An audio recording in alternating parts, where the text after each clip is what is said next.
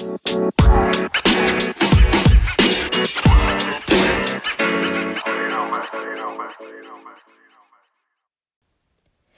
everyone, you're listening to the In Other News podcast, where Black British voices converse around new projects, initiatives, share opinion, and life experiences. And as founding editor of In Other News, I'm your host, Candice Oxley. Thank you so much for taking No the time to chat this morning. I really appreciate it. It's been a long time coming. because from the time we Um, met at oh, it was a one of those events. Um, Oh, yes, woman- it was. phenomenal woman. It was That was phenomenal woman.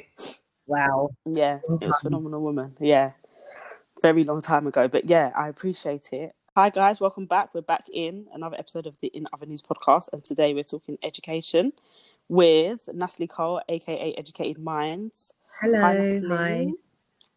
I'm very How good, very tired from uh, the first week back to work, but um, thank you. Yes, I, I can imagine. Life has really transitioned for you guys in education Definitely. a lot over the last six months. So, yeah, we've got a lot to talk about. Um, so, just to kind of give people an idea Mm-hmm. of who you are, um, I always ask if you could just share who you are, like your name, who you are. Um, and I say who you are, not what you do, because I think it's super important to distinguish the two. So, three words to describe yourself, um, and then just what you do Okay, um, I'm the job interview. as a, for your career. um, my name's Natalie, Natalie Cole. I um, can I at least say I'm a teacher, but I um, Mhm. oh, I say, I can say I'm creative. I like to say, think that I'm um, ambitious and uh, ooh, and I'm kind and caring. I know it's four, but you know, I I think you know that. but yeah, I would say that sums me up as a person. Um, and I think because of the kind of kind, caring nature and stuff, I want I not only am a teacher, but I also um, run a platform called Educated Minds, which is about um, helping uh, young people, students, to um, help them revise for their GCSEs, and not just that, but also to provide kind of well-being tips and advice for them, um, because sometimes I think that um, we kind of forget that they're students and young people, and they need um, navigation in regards to well-being as well as uh, academic. And i think that bit gets lost sometimes within education because it's so focused on results um, and so Yeah. yeah. that's kind of the aim of why i created Educated Minds in the first place to provide a, a platform where they could get both of these things at once um, so yeah that's kind of what i do I love it. Um, so uh, let's start Mhm. at the beginning. of my career How did you, Okay, of your yeah. teaching career? How did you get into teaching? Why did you choose education? Um, yeah. Okay, talk about that. I got into teaching in 2012 um, and did my PGCE at the Institute of Education. Um, I wanted, I started off wanting to be a drama teacher. Um, I Did you study drama at yeah, um, and uni as well. And I was like, yeah, I want to be a drama teacher. Like, I, I always liked the fact that no matter, especially when you talk kind of kids that were seen as like the naughty kids, it was kind of a case that Mhm. drama they kind of came to life, and like all of those kind of things Right. that other teachers may have noticed that oh they do this, then they're naughty, they do that. In drama, that was complete opposite for some students, and just kind of in the way that they Mhm. change and they were just themselves and could come to life. I think I wanted to keep that and do that with young people. Um, but then I did my PGCE in English and drama, and then I actually really enjoyed the English part as well. Um, so Yeah. yeah. I teach both now. I for I taught uh, just English for six years, but now at my new school I teach both again. Lovely. Okay. And anyway, with English anyway, you can always incorporate drama. So I think that's the part I like as well.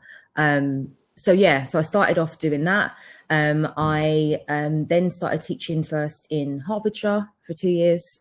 Um, then Mhm. moved from that. wasn't really uh, enjoy. It was a good for learning, but wasn't the place for me.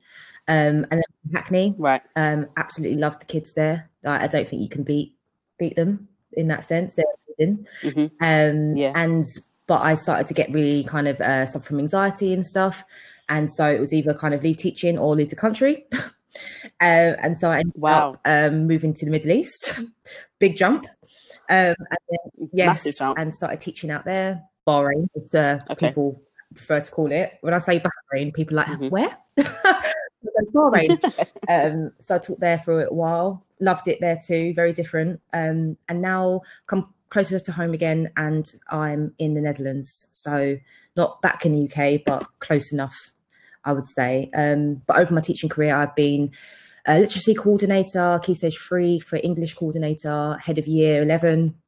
And now I'm just back to being a teacher, which actually I think I kind of prefer right now.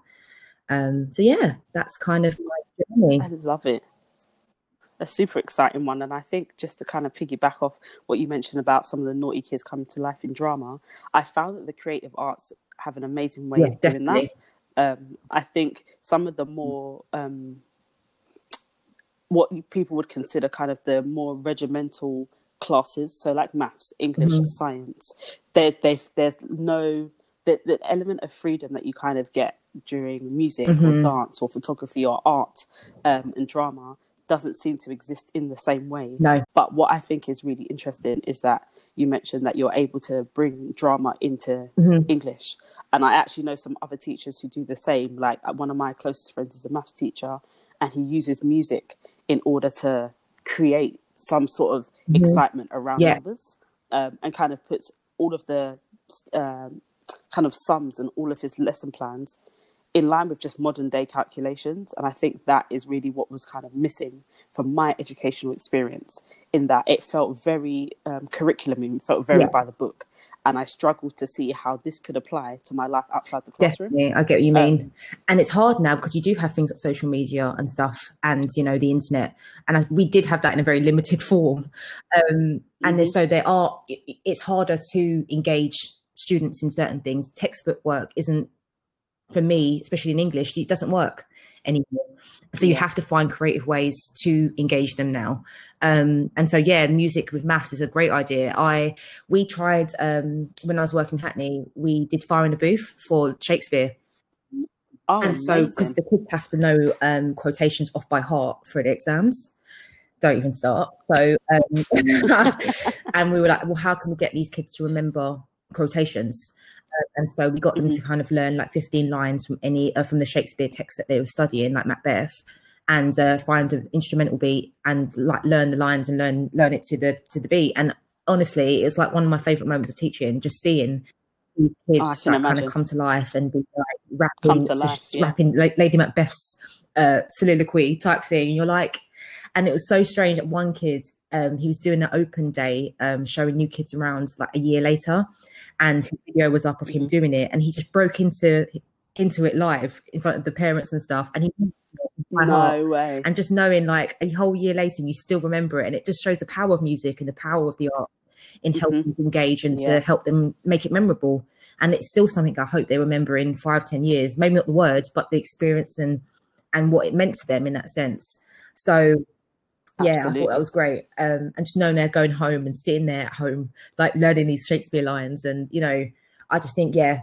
we have to change up the game a bit especially if you are working with more diverse children and stuff, doing it the old fashioned traditional way isn't you know isn't okay all the time because yes some students can access that because they're used to these traditional ways of learning but others aren't Yeah, so, you know. Exactly. yeah. Exactly. I think, as you mentioned, I think they, even if they don't remember what happened, they'll always remember how you made them feel. I've got teachers like that. I don't remember exactly what happened, but I could categorically tell you maybe three or four names of teachers that I'll Mhm. always remember the impact Yeah. they had on me um, as a student, and now how that's kind of informed. Not so much now, um, just because you evolve as an adult, but kind of in my like end of school years into college years, what that teacher's Yeah. input, how that Definitely. affected me. Um, and in terms of your obviously your educational experience has not only been in different places Mm-hmm. in education but different geographies um, what was education like and the, what does teaching look like as an industry in the middle east and how does that differ from the uk Um, well, I was taught it was a, a British international school, so we still taught GCSEs and you know the same format Mhm. in that sense. It's just obviously the collection of students you have is very different because they're from all over the world. Right. And so English isn't always isn't a lot of their first language. Um, so verbally are quite Mhm. strong. But when it comes to writing, sometimes they may struggle a bit. Same way you would experience that in the UK in a, in a sense. Um, it's weird actually. Um, kids are kids, so it doesn't matter where you go, they still have that same energy, that same, you know, sense of humor, that same drive in that sense. I do find because it was private schools, there is that different um, pressure for some students because I suppose mm-hmm. their parents are paying, and you know, a lot of them, um, especially in more Arab countries, education is important in the sense of going abroad to universities um, to study medicine or whatever it is, and so you did find that there was that pressure um, that a lot of students had to go through. Same way in the UK, but it, it felt more intense here because there's that money aspect mm-hmm. to it as well.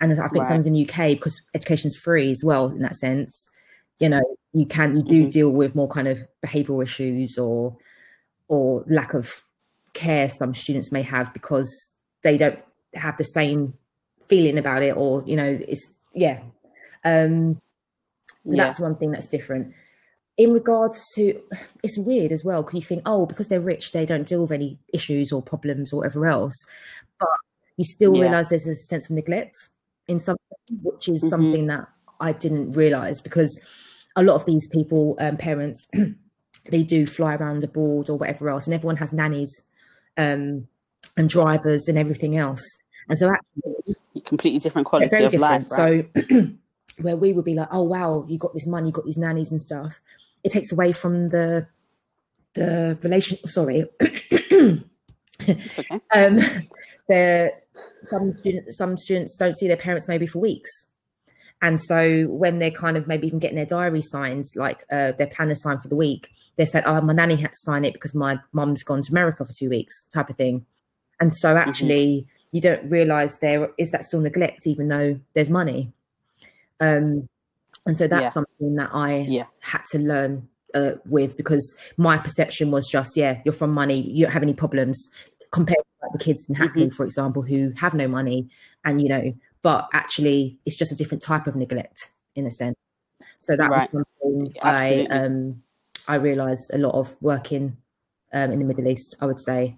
Great quality of life though, like generally, like the sun, the, you know, on a weekend you can just go to a pool and sit there and have brunch and mm-hmm. that you know you could actually do your job but have a social life and, a, and look after your well-being a bit more whereas in the UK, so work-life balance is there, better definitely um where in the uk i was working six days seven days if i allowed myself from 7.30 in the morning till 10 o'clock at night every day and it was just to the point where it was impossible and that's why i started to suffer from anxiety and stuff because I was just mm-hmm. working ridiculously at ridiculous hours. I wasn't eating properly.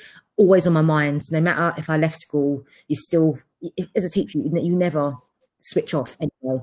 Always yeah. thinking yeah. about work. Yeah. You think, oh, I have to make sure I print mm-hmm. this tomorrow, or oh, I said I was going to look at this piece of work for another student, or you know, you're always doing that. And when I was working Hackney in particular, you don't just you love those kids. Like I, I admit, I've, I've never. Yeah felt so strongly, even now, about a group of children that I did when I was in Hackney. I think because they look yeah. like me too. Uh, um, mm-hmm. I became more than a teacher. Like you came like their big sister or their counselor or whatever else. Yeah. So their problems yeah. you take on, and I think that's another thing that led to me feeling so anxious. Is because I wanted them to do well, and so I'd put that pressure on myself and work those hours to make sure that I'm best sure that they did. I can. Yeah. Whereas somehow internationally, you do care about them, but you're able to detach yourself a bit more because you do see. Mm-hmm. I think the kids care about you, but it's still a more of a teacher student relationship. Whereas when I was in Hackney, mm-hmm. it felt like you know I would like do go bend over backwards for you kids kind of thing. And so I think that's the difference yeah. as well. I think um, there's just so much pressure in the UK generally whether it is admin stuff or whatever else, um, that kind of gets taken away a bit internationally, I think. Yeah, I think that's that's really interesting. I think what you talked about with regards to mm-hmm. neglect, um, that plays a huge part into just a child's mm-hmm. well-being. I'm always I'm quite um, big on. I think there's a real distinct difference between having a having parents that mm-hmm. are present but yeah. absent, but or having parents that are absent yeah. but present. So you can live, as you said, like you can come from money, you can come from affluence, but still not really have a relationship exactly. with children. Um, but or you can come from what the world would consider as poverty, um, but still have what have an amazing relationship mm-hmm. with your kids. Um, and as a result of those parental relationships, your your experience in education, your just experience in life can be completely different. Do you find that um, parents put a lot of onus on teachers to do all of the quote unquote schooling and that's like life schooling educational schooling? Or do you, have you found that some parents understand that actually it is also my job to make sure that my child knows how to navigate this world you know what? Actually internationally i find that they are better at knowing that they have to contribute to that too actually in uk mm-hmm. it was mm-hmm. more why do you know what it's a whole different vibe in uk even being in the netherlands um, they in the UK, yeah, you're expected to, and I see it in the news even now. Like the way teachers get bashed is ridiculous in the UK. Like, mm-hmm. and it is that. Well, what are you doing? Why are you not doing it? Whereas internationally, I think they understand that. Yeah, you are there to help them, but they need to do their stuff at home as well. So they may have tutors and stuff as well on top of what they're doing, or they may be helping their their uh, children at home. So yes, they they do have high expectations of you internationally, like parents, but they know that it's mm-hmm. not just you that contributes to that. And actually, if I went and told them like, oh, your your child isn't working particularly well at the moment, or they're distracted, blah blah blah, blah they'd be like, right, I'm going to go home and tell them this, this, and this. Whereas sometimes in UK, be like, well, what are you going to do? I'm like, well, that's yeah. not my. Uh, I'm telling you what's happening, so it's not just my job to fix that. Um, yeah. at the beginning of lockdown, I felt like people starting to understand that, and like obviously with homeschooling, they're they're seeing yeah, you know? they're, they're, they're, seeing yeah. what we see uh, for seven hours a day, pretty much. Um, but then obviously when everything kind of turned back on its head, where they were trying to force teachers to go back to school in June, um, the, the, it changed again, and it was like, well, why are teachers not doing their job? You know, they should be going to school and and teaching our children. Da, da, da. And it's just, I don't know. It's I do find the the perception of teachers is very different in the UK compared to other countries. I don't see mm-hmm. the teachers getting as much stick. Maybe in America, I think, but they don't get as much stick. Um, and I think people more understanding of yes, teachers are there to teach them, but it's not just their duty to do it. It's a it's a holistic thing with them as well as yes. school. So, yeah, yeah, yeah, exactly. I think that's a very valuable um, point and like just a concept to understand. I think it's it, it's that whole idea of it mm-hmm. takes a village so it can't just be one person's job to do something that so many people have exactly. capacity to be exactly. able to teach. I just been for an um, hour a um, day, you know, or an hour three times a week. Like yeah. it's not just my if they don't do anything on top of what I'm teaching them a lesson, if they're not revising or, you know, going over their work and whatever else, or doing their homework or doing their assessments or coursework, I can't I'm one person teaching 150 children, you know? Um mm-hmm. and mm-hmm. so that needs to be understood as well. Whereas sometimes, yeah, it's definitely not. Yeah, exactly. And with regards to representation, I know you mentioned it before with regards to the kids mm-hmm. from Hackney and how just your love for them was so much deeper than some of the other relationships you've had yeah. with children. One, because they mm-hmm. looked like you. Um, how important to you is representation oh education? so important that that is my aim uh, since i started educating minds the reason i started it is because the there's other people like educators online making revision videos and stuff like that. But when I was in Hackney, kids were like, I can't connect with these people because they don't, you know, mm-hmm. their content or what they sound like or look like, or whatever else doesn't connect with me. And that was kind of the reason I started it was to create content for them. And then I was actually like, mm-hmm. actually, mm-hmm. you don't see black educators online doing anything like that. Like, and I was I started this mm-hmm. in 2016, 17 um, and so there was no one who looked like doing that kind yeah. of thing. And so actually, for me, it was also important for the kids to see that we do more than you know, black people do more than just being video vixens or you know being the representational yeah. gangsters online or, or on films and whatever else. It was actually like we can be educators, we can be doctors and lawyers and uh, uh entrepreneurs and whatever else. And I think and that's why yeah. the interview with Jamelia right in in 2017, and I interviewed her, mm-hmm. uh, message to my 16 year old self, and that's the aim of um, yeah. talking to different pe- uh, people of color from different professions, um, so students can see the different options that are available to them in regards to careers, um, because mm-hmm. if they don't see people that look like them within particular fields, then they don't think they can attain that. Um, and so, yeah. yeah. it's always been my aim to, to show that, and especially with kind of I also like kind of uh, share or sell my resources, like teaching resources as well, and I always kind of make sure that I'm um, representing in that as well. Um, so I will do like a poetry lesson, which is like a comparison. I did one comparing Tupac to J. Cole, the songs changes and what it meant and how is wow. that, you know, Tupac wrote that in the 90s and J. Cole wrote that now. So how what comparisons can you make between the two? Or when Childish Gambino came out with This Is America, I used the video, for example, to show ideas of, you know, um, the, the, division within America generally and how black people use this form mm-hmm. of entertainment. And so, and the kids are mature. Like the things they came out with was amazing, but about giving them yeah. these options of other ways to look at English in and in language and literature, mm-hmm. because it isn't just having to teach them Jane Eyre or Great Expectations or whatever else for them to engage in in English in that sense. Um, yes. So yeah, I've always, yeah. and even, even lately, I've worked with um, a, photo- a, black photographer called Holly Cato, and I love oh, her. I, I know um, f- another fellow in North London. Uh, yeah, yeah. um, and I've been using her photography in again English language resources, um, again to show this idea of representation, um, and to, for students as well to see people like, oh, that's a black photographer. Oh, we can do that too. Do you see what I mean? Mm-hmm. So yeah, it's um, yeah, it's definitely important to me because it's there's not enough of it, and we already know that only three percent of um, black um, there's black head teachers in the UK, and so again, and there's such a wow. lack of seeing people of color in leadership generally. So mm-hmm. yeah, how can how can our students see um, themselves if they aren't seeing themselves at all, and if they do see them, black people in the school or whatever else are doing domestic duties, like the cleaners and stuff. You know, it's yeah. we need to change that narrative and change that. And so, yeah, educated minds and where I want it to go is definitely about um, making sure I'm highlighting the voices of the marginalized, whether it is black or um, um, Asian or whether it's LGBT or whether it's women or women. It's right. about them seeing others rather than one. I remember one student in Hackney was like, "Miss, I'm just going to learn about dead white men." and I went, "Yeah, yeah, that, that's all you'll get. Yeah, that's what's on the Valid curriculum, question. you know." And so that was another reason why I was like, "No, you know, there's other ways." Even though I know I have to teach them a Christmas Carol or Macbeth or whatever else, when we do English language, and they can they can look at other aspects. And so that's my area to think, okay, I'm going to use any opportunity I can to try and get those things in even though the curriculum itself is limiting in a sense. So yeah, definitely important. That's 100%. I agree with everything you said, 10,000%. In terms of yeah. the curriculum then, in in an ideal world, what would an English curriculum look like to you? What would it include?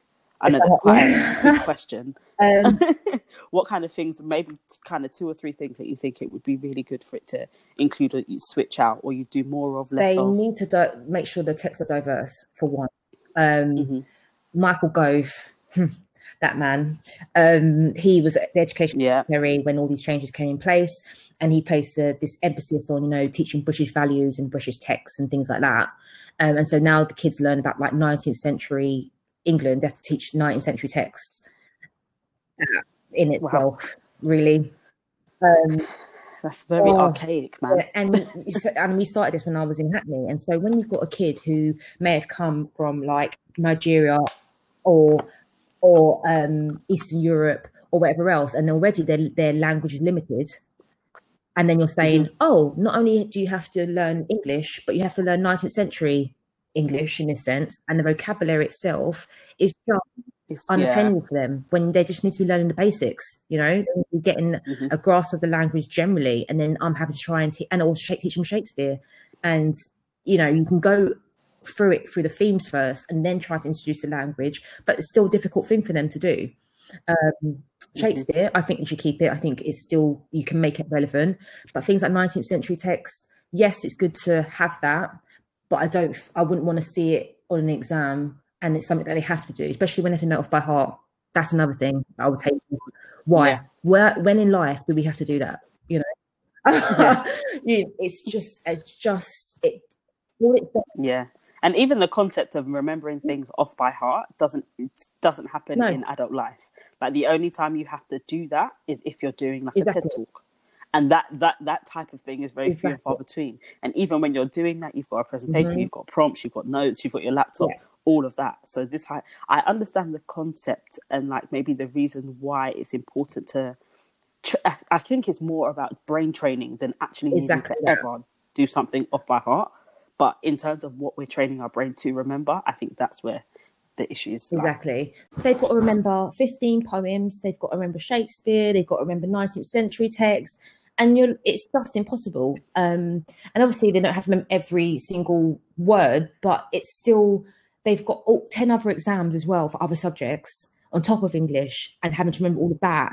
It's just it just makes it unattainable for some students, especially as to say if that's not the way you work. If you're not someone who who mm-hmm. works like that. If you if English isn't your first language, the, all it's doing is creating a further separation between the rich and poor. Yeah, you know. And yes, if you go to kind of private school, or you can you you work this way, or you're more academic in that sense. Cool, but actually, then it shuts off from other a lot of other students, and I think that's. Mm-hmm sounds i don't want to get too political but it does especially with exams this year and what we saw from the exam results it's just making mm-hmm. it clearer the divides between class yeah. and how class affects a yeah. lot of the the opportunities. You know, private school kids were getting higher grades in exams this year because of historic um, results in the past. Whereas if you didn't have mm-hmm. the right postcodes where your school was, you were going to suffer. So yeah. yeah.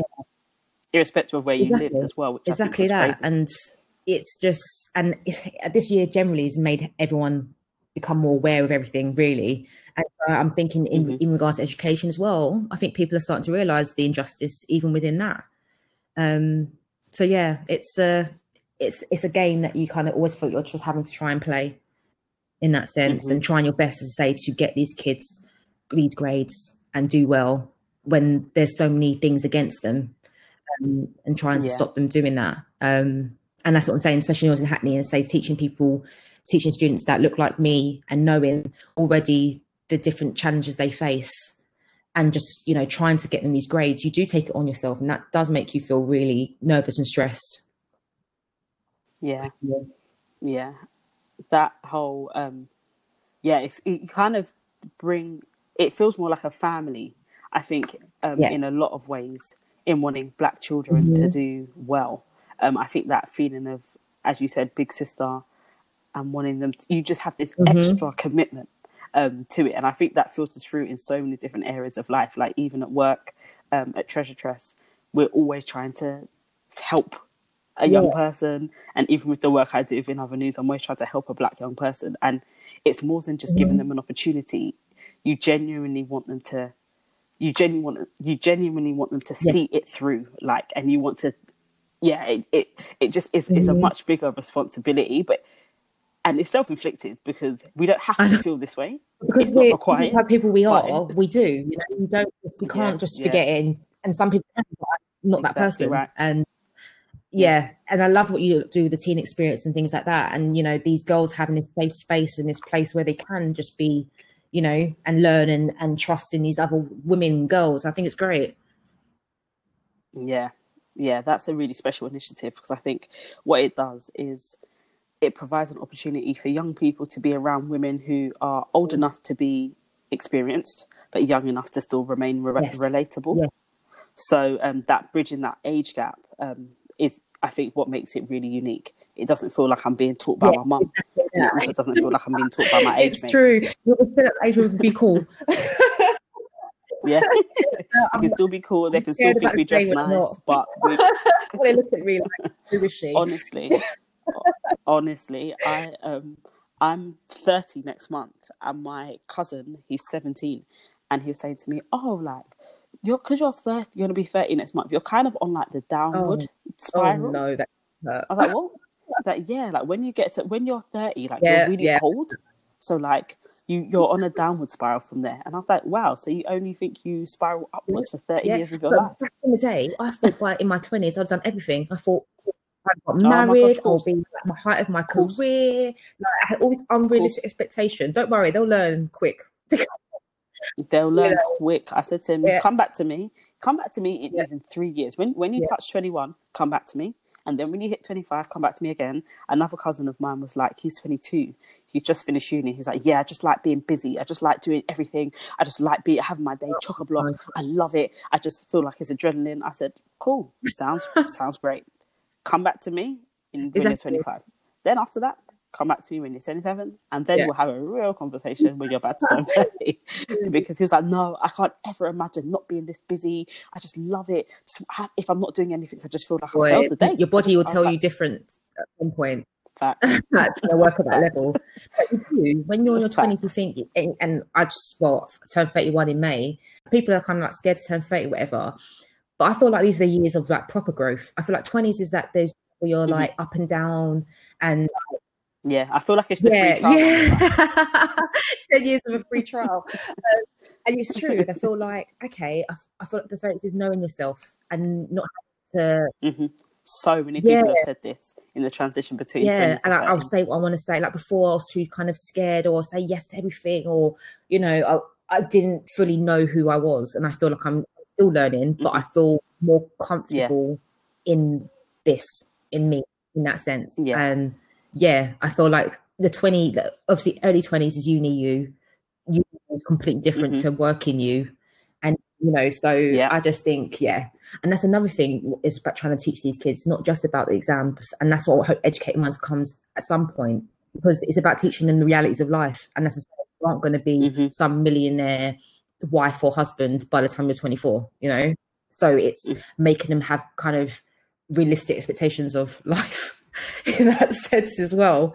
Um, and so like within English, especially English language, is like using articles or using um, different non-fiction texts and whatever to try and give them big, a big idea and then mm-hmm. to kind of look at that and think, okay, um, so I'm even teaching 19th century at the moment, but I'm and even Shakespeare and how I'm trying to go with it this time is rather than just teaching them the text in that sense, we teach them the context and what happens in that time. And we also yeah. about our religion and women and men. But I thought this year, let me try doing it different. So when you look at men, I'm looking at okay, let's look at the idea of toxic masculinity within mm-hmm. here.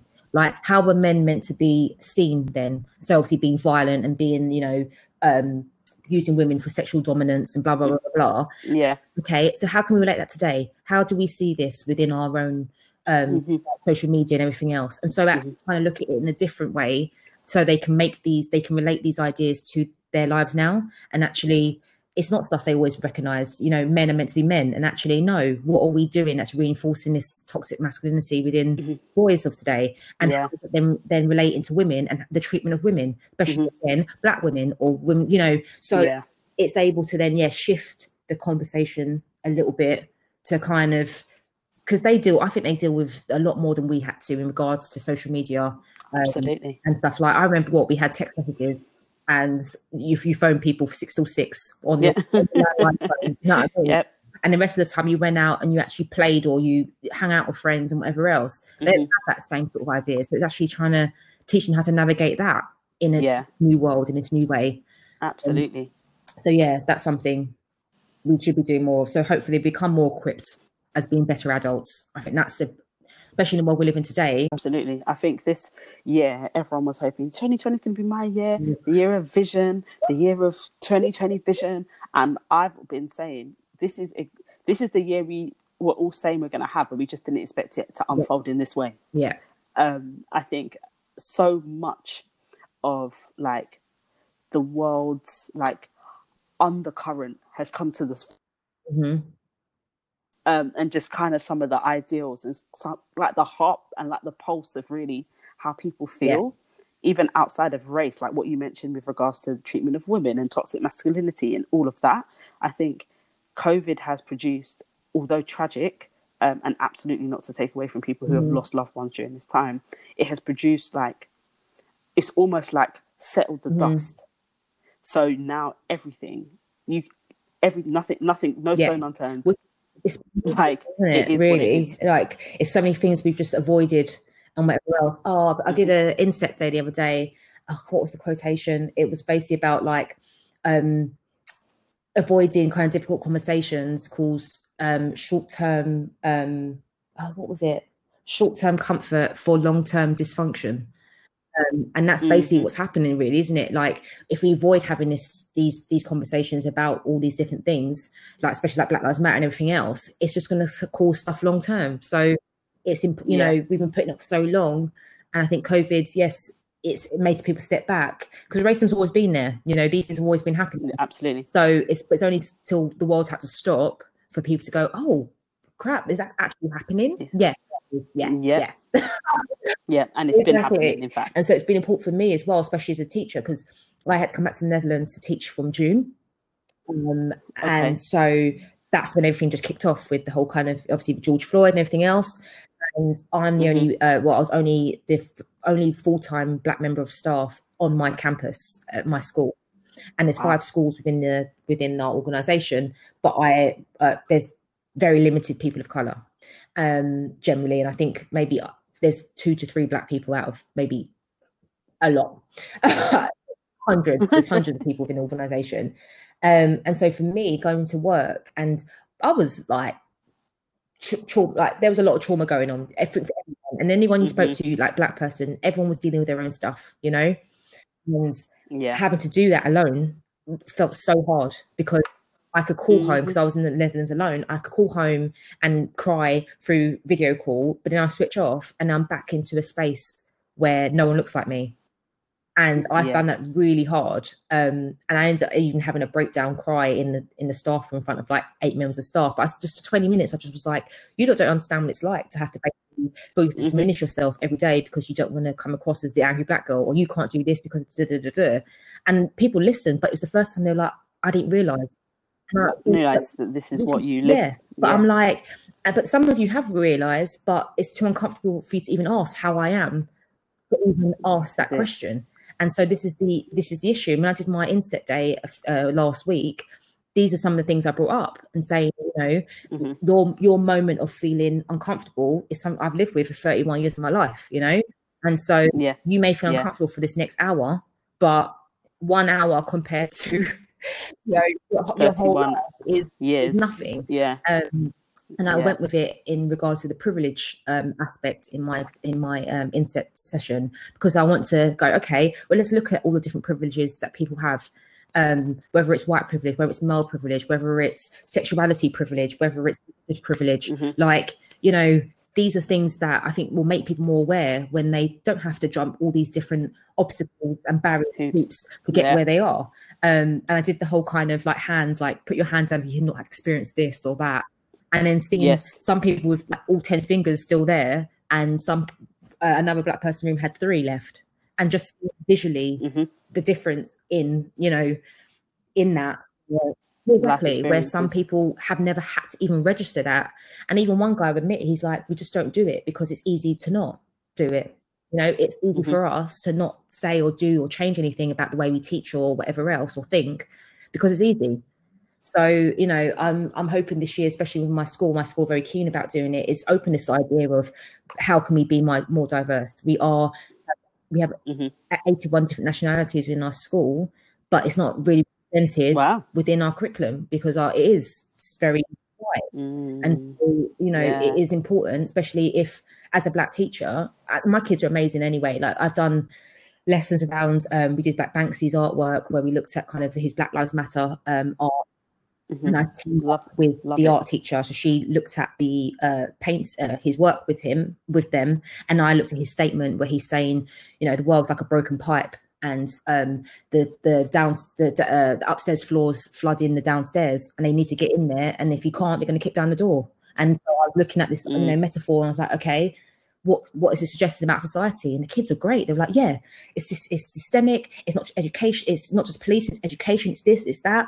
And thirteen year olds. Yeah. And so if we and these kids are going to be because it is a private school, they're going to be CEOs and leaders of tomorrow. Mm. A lot of them, and it's important we get into them because we're that's the way we can. I know my privilege as a teacher, and I know that what I'm yeah hopefully able to do is to break down these ideas maybe or make them see I'm, i don't want to put my judgment on them but they you know just open them up to these different ideas so they can form a better view of whatever it is hopefully of the, break down yeah. this unconscious bias that they may not even realize that they have in order to mm-hmm. hopefully when they do become they do become leaders and stuff they are employing people from all different background backgrounds, exactly, walks of life, rather yeah. than you know. So it's we don't we think oh what difference does it make if we teach this, this, and this? But it's important because if you expose them to these Yeah. different um, cultures, they then can see them in a different way. So yeah, Mhm. the, that's the plan.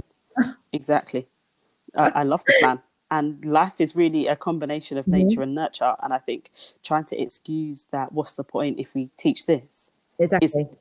It take, takes away from a side of their life and a side of their experience and a side of their worldview that they might not Mhm. ordinarily have via nurture.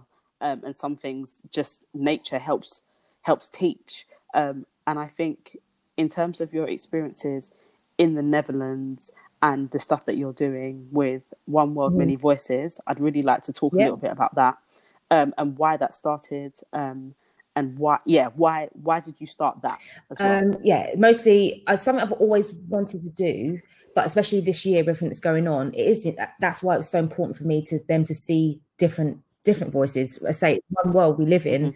and there's more than just the white voice.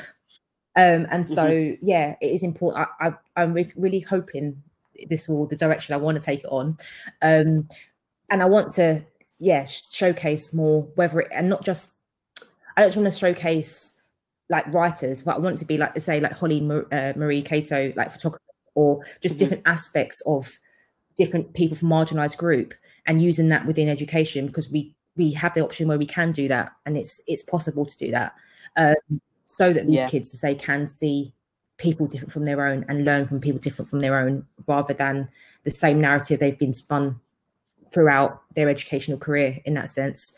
Um, so yeah, and I even I want to think about even getting kind of like artists and stuff to um, like um, musical artists to think, okay, how can I use your Yeah. work in a lesson, for example? Because technically that's still you know that's poetry, you know, and how can I Mhm. make even resources around that? And so they're, they're seeing, as I say, and being exposed to different forms from different colors of people in that sense. Um, yeah, absolutely. I think Stormzy would be hundred percent up for that. yeah, He's the first that? one that came to mind with regards to using music. Stormzy using music. exactly. I would love to like have someone like Stormzy do something like that. Like it's just even like, oh, someone like George the poet, or you know, all these different type Yeah. of people to be like, and now, especially with educated minds, in fact, it is an online platform for them to be able to just see that and to, and what's Mm-hmm. great about like my work, I've, I share my work, and I think my lessons and stuff have been downloaded like hundred thousand times, and so to know the- my lessons are being like taught all around the world, and you know how the impact that it can have. And so that's why I had one world, many voices. And so hopefully that idea can continue and having seen that in other people's classrooms, just not just my own. And so yeah, that's that's the idea. So I need to probably sit down and make the plan plan. But- but yeah, that is yeah. amazing. That's so yeah, so good. yeah.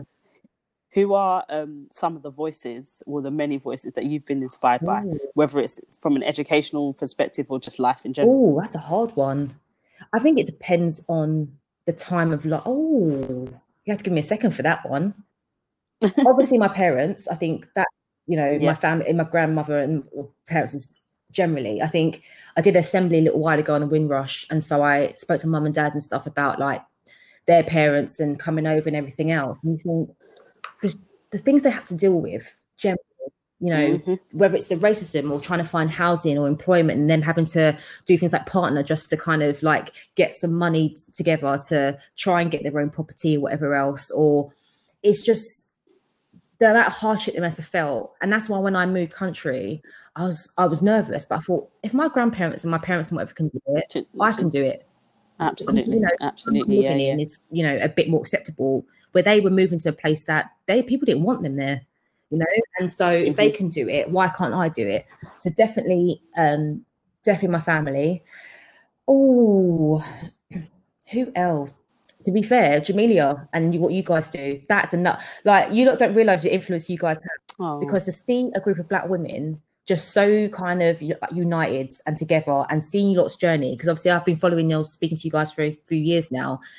Seeing your- I Yeah. smile every time I see lot's posts and the work you do oh, genuinely so nice to see you. such a positive group of black women trying to and not even trying successfully like in the game in that Mhm. sense. And um, yeah, I just think that's another thing where I've and like people like Charlene Shaw, she's the person that's Yeah. like me and her being really close. She's not my cheerleader. And like you know, Mhm. just having those people in the space who are there to champion you, you know, I think that's important. Oh, who else? Oh, that's a hard one. I don't think I can. I can think at the top of my head.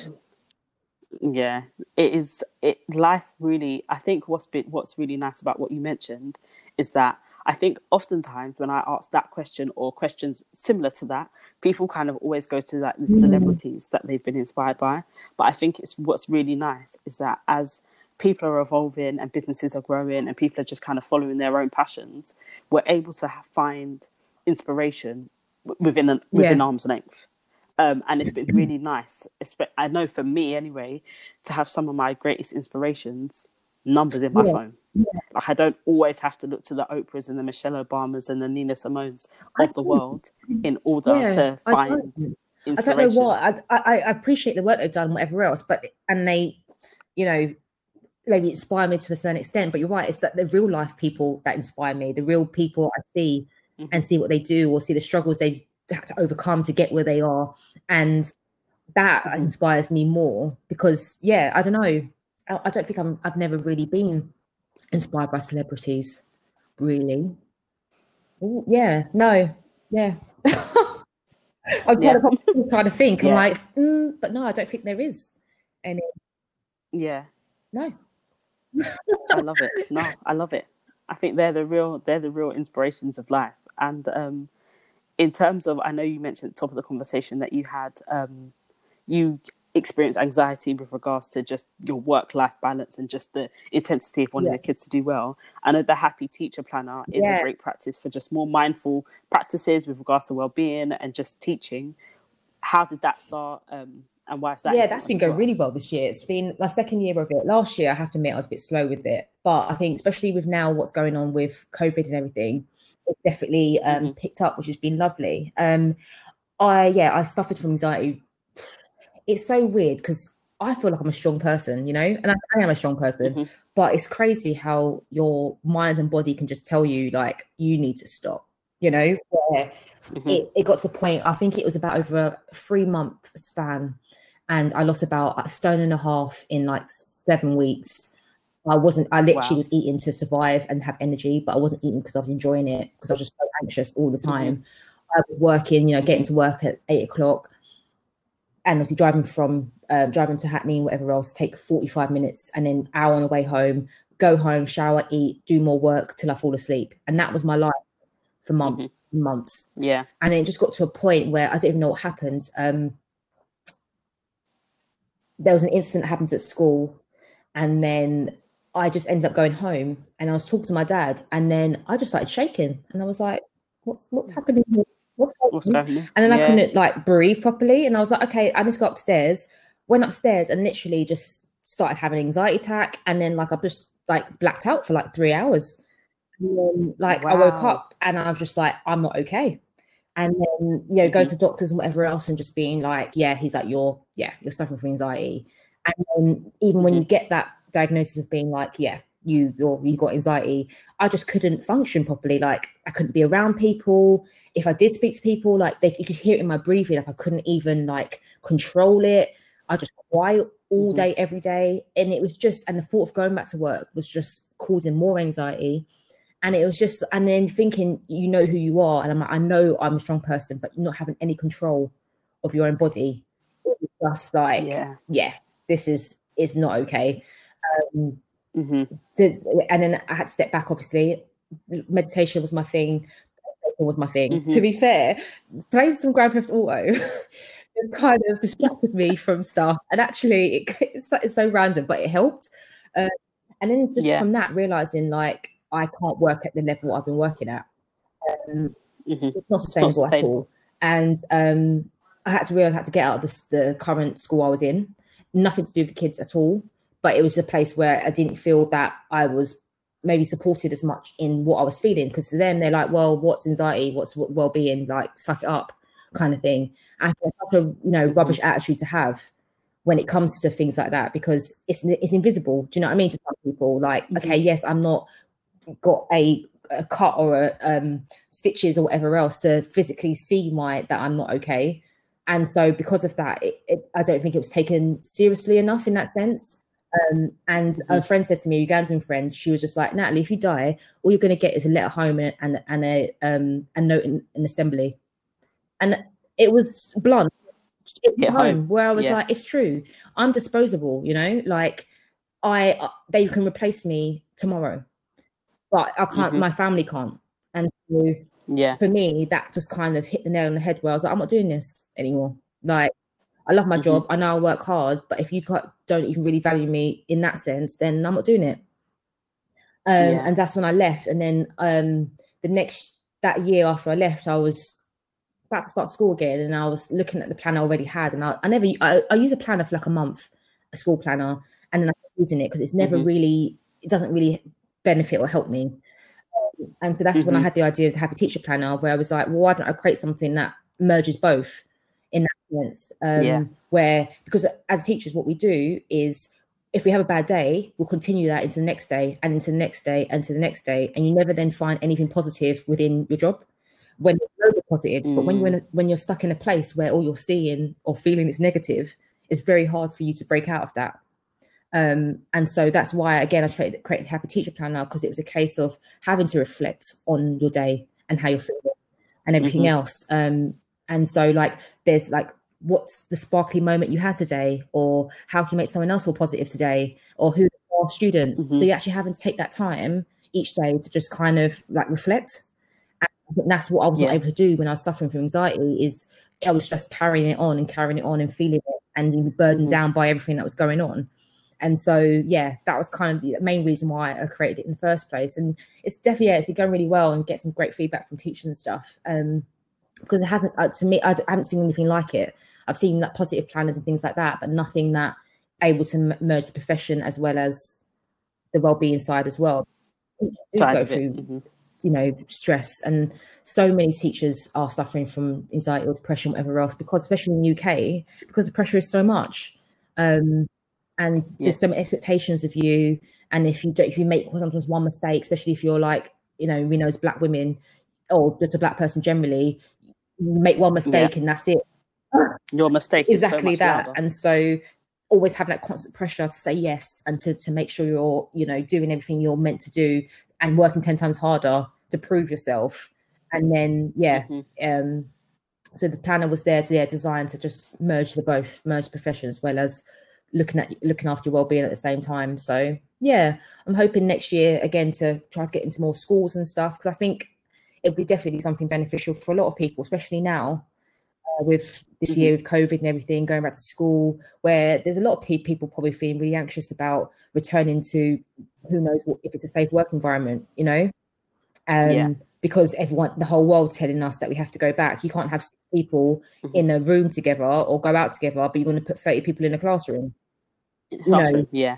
The, the, it, makes no it, sense. Honestly, it makes I can't even begin to have oh, that conversation because it makes no sense. no sense. These numbers seem to be pulled out of yeah. nowhere. Um, and it just, yeah, it's all about building back definitely, the economy definitely. because teachers to go back to so parents can go back to work.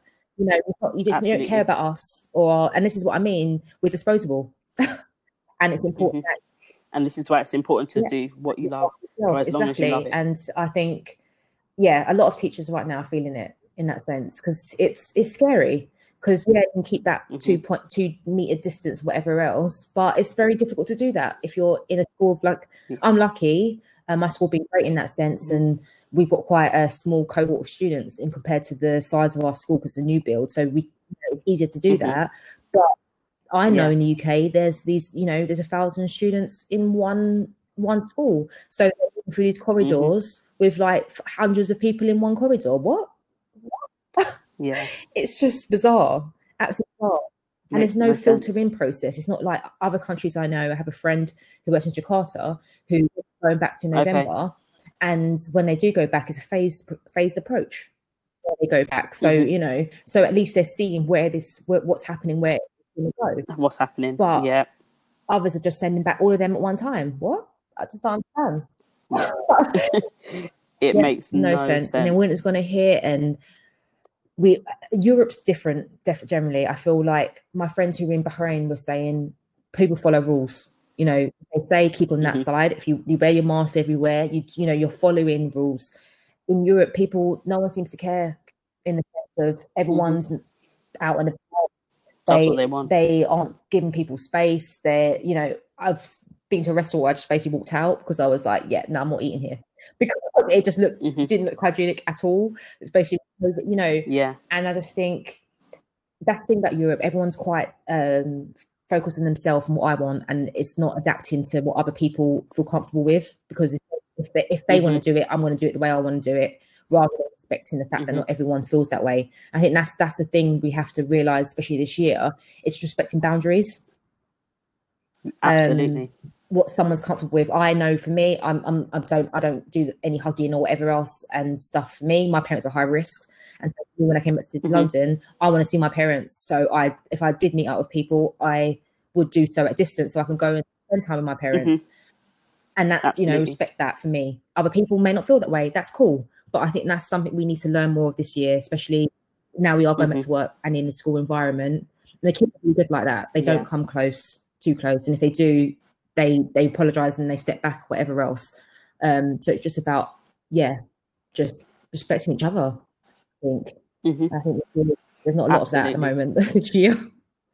Yeah, Oh, it's yeah, and I think you make a valid point about boundaries and just remembering that this virus does Mm. exist. Um, as much of an agenda as some people think it is, um, there is still people um, being affected by it in you know a number of different ways.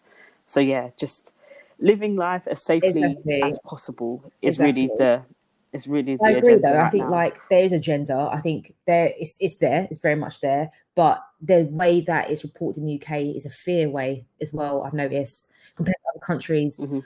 That it's just always there, isn't it? Every single news report, every single thing you look at in regards to COVID is like the scare tactics. Um yeah, and so that affects affects people's mental health as well because there's always you're, Absolutely. you're making people want to live in fear all the time so i think Mhm. yeah um yeah the uk are interesting sometimes with how they go about things Yes, they are indeed. They are indeed. But um, thank you so much. oh no problem it's been fun Yeah, I've really enjoyed learning a little bit more about your experience and just how you teach. Um, and yeah, you're doing an amazing job. Um, I know teachers sometimes feel like they don't get the flowers that they deserve, but I think you guys are the pinnacles of society in a lot of ways. Um, and you kind of are the heartbeat of how the generations to come. So essentially, one of my closest friends, um, she's a teacher, Abby, and she always says um, one of the reasons she got into teaching, yeah, she got into teaching because the children she wants to have, a, she wants to play a role in how her children Yeah. will be taught because the children that she's teaching now will teach hers definitely. True. um, and I think, um, yeah, all of you guys are doing an amazing job in making sure that our children have solid human beings in front of them in classrooms or however it look, whatever it looks like um, in years to come. So yeah, Oh, thank you for all the work that you do.